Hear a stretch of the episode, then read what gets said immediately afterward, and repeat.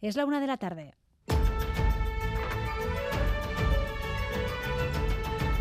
Crónica de Euskadi con María Cereceda.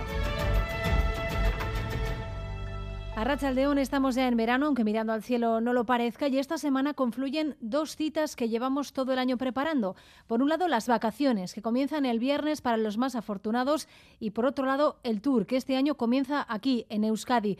Pocas citas internacionales generan tanta ilusión y tantas molestias. Las restricciones a la movilidad van a ser muy importantes. La operación salida coincide este año con la Grande Par en Bilbao y el operativo ya está listo. Xavi Segovia, Rachaldeón. Rachaldeón, sí, la operación salida de este año será especial por coincidir con el Tour, se espera casi 2 millones de vehículos circulen este fin de semana y hasta principios de septiembre por las carreteras vascas, un 2% más que el año pasado, sobre todo por el paso del estrecho. Desde la Dirección de Tráfico se recomienda planificar con tiempo los viajes y consultar en tiempo real el estado de las carreteras, un dispositivo para el que habrá 550 agentes de la Chancha, aunque parte de ellos estarán destinados al Tour. La directora de Tráfico del Gobierno Vasco, Sonia Díaz de Corcuera, asegura que pese a ser menos agentes que el año pasado por la Ronda Gala, la seguridad estará garantizada.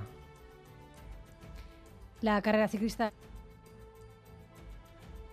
organización de algunos municipios pequeños. Las prohibiciones de aparcamiento han entrado en vigor ya en lugares como Baquio, por ejemplo. Enseguida vamos a repasarlo. Las últimas declaraciones del que fuera ministro de Interior, Juan Alberto Belloc, sobre los GAL, han vuelto a hurgar en las heridas de las víctimas. En plena promoción de su libro, decía ayer en una entrevista que al GAL tenía voluntarios para el apoyo económico, que a Galindo le sobraban méritos para ascender y que de haber sido un terrorismo de Estado habría estado mejor organizado. Hoy en Boulevard, Pili Zabala, hermana de Josi Zabala, denunciaba el maltrato perverso al que siguen sometidas las víctimas del terrorismo de Estado y pedía protección legal para evitar la humillación de este tipo de declaraciones. Es un maltrato constante, continuado, perverso y por supuesto deja en evidencia nuestra inseguridad jurídica, pues nosotras no somos víctimas del terrorismo. Ahora más que nunca hay que cambiar esa ley. Esta persona sabe de lo que habla, se jacta de poder decir este tipo de declaraciones y manifestaciones que yo no sé si son constitutivas de delito, pero desde luego humillan, dejan una indefensión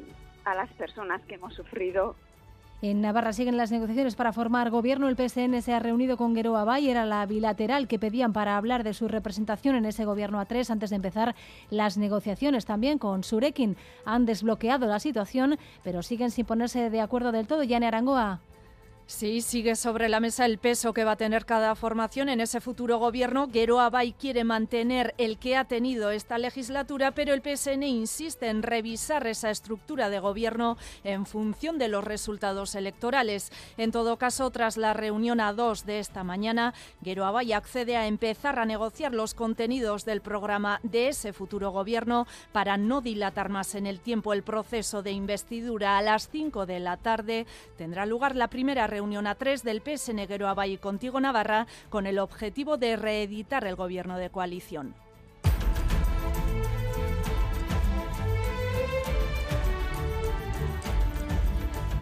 El Gobierno central ha confirmado esta mañana que va a prorrogar la subvención al transporte o al IVA de los alimentos básicos, habilitadas las dos para paliar los efectos de la inflación y de la invasión rusa de Ucrania. Lo aprobarán mañana en el Consejo de Ministros. Además, seguimos muy pendientes de Rusia, que se esfuerza en dar una imagen de normalidad tras la rebelión del grupo Wagner este fin de semana. Sus señales, tanto internas como externas, buscan demostrar que la crisis con los mercenarios se ha superado, Natalia Serrano. Por ello, las autoridades rusas han levantado esta mañana las restricciones por operación antiterrorista en Moscú, pero también en toda la región. La operación para una imagen de normalidad ha incluido también un vídeo del ministro de Defensa en el frente de guerra en Ucrania, pero Putin no ha aparecido públicamente en estas supuestas horas de vuelta a la normalidad y se desconoce si Prigozhin, el líder de la rebelión y del grupo Wagner, ha llegado ya a su exilio de Bielorrusia. Controlarle a él y a sus miles de mercenarios sería clave para sofocar la crisis. Rusia estaría preparando ya una ley para regularlo.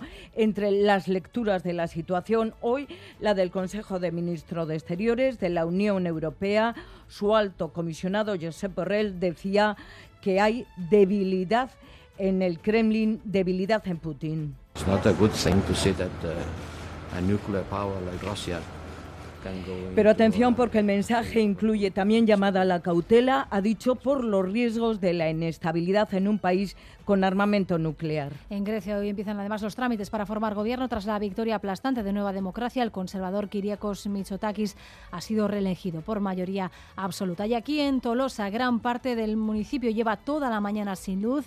Así Odriozuela es la segunda avería en cinco días.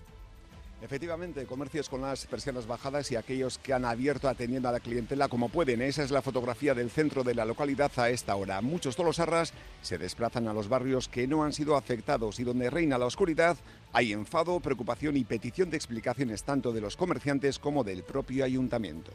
Las cámaras llenas, la vitrina la hemos llenado a las 8 de la mañana ya, se ha ido la luz y ahora pues mal, mal, con el género mal, en malas condiciones y bueno. Sí, la verdad es que nos sorprende porque es mucha casualidad, ¿no? Que en cuatro días se han caído dos árboles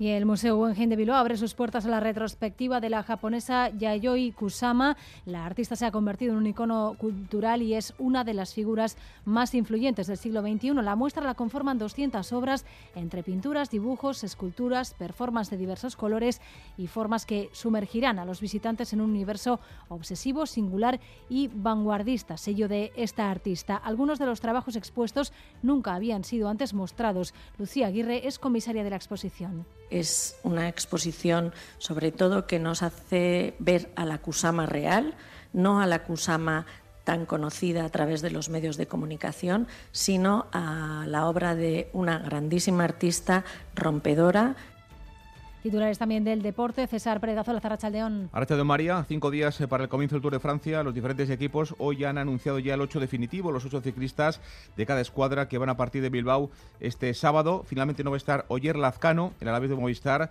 ganador ayer en Madrid del Campeonato de España, hará vuelta este año y no Tour de Francia. Y la golfista navarra Carota Ciganda ha estado muy cerca de ganar uno de los cinco mayos de la temporada, no ha estado nada lejos y de hecho en la última jornada ha soñado con que podía conseguirlo. Finalmente Carota Ciganda ha sido tercera después de hacer esta pasada noche el mejor último recorrido de todas las participantes con siete bajo el par del campo. Se ha quedado a solo dos golpes de la victoria. En cuanto al tiempo y lo más destacado es la bajada de las temperaturas máximas de forma muy notable en el interior. En general seguiremos con cielo nublado, aunque en la mitad sur se impondrán los claros ya por la tarde. A esta hora tenemos 23 grados en Bilbao, 22 en Iruña y en Bayona, 21 en Donostia y 20 grados en Vitoria-Gasteiz. En carreteras, tres puntos a tener en cuenta a esta hora. Continúan las retenciones en Lezama, en el Nacional 637, en sentido Erleche, después de que una furgoneta haya sufrido allí un accidente. En la red secundaria, en la Guipúzcoa 3630, en Alquiza se regula el tráfico en la zona tras la colisión registrada entre dos turismos y en Lizarza, en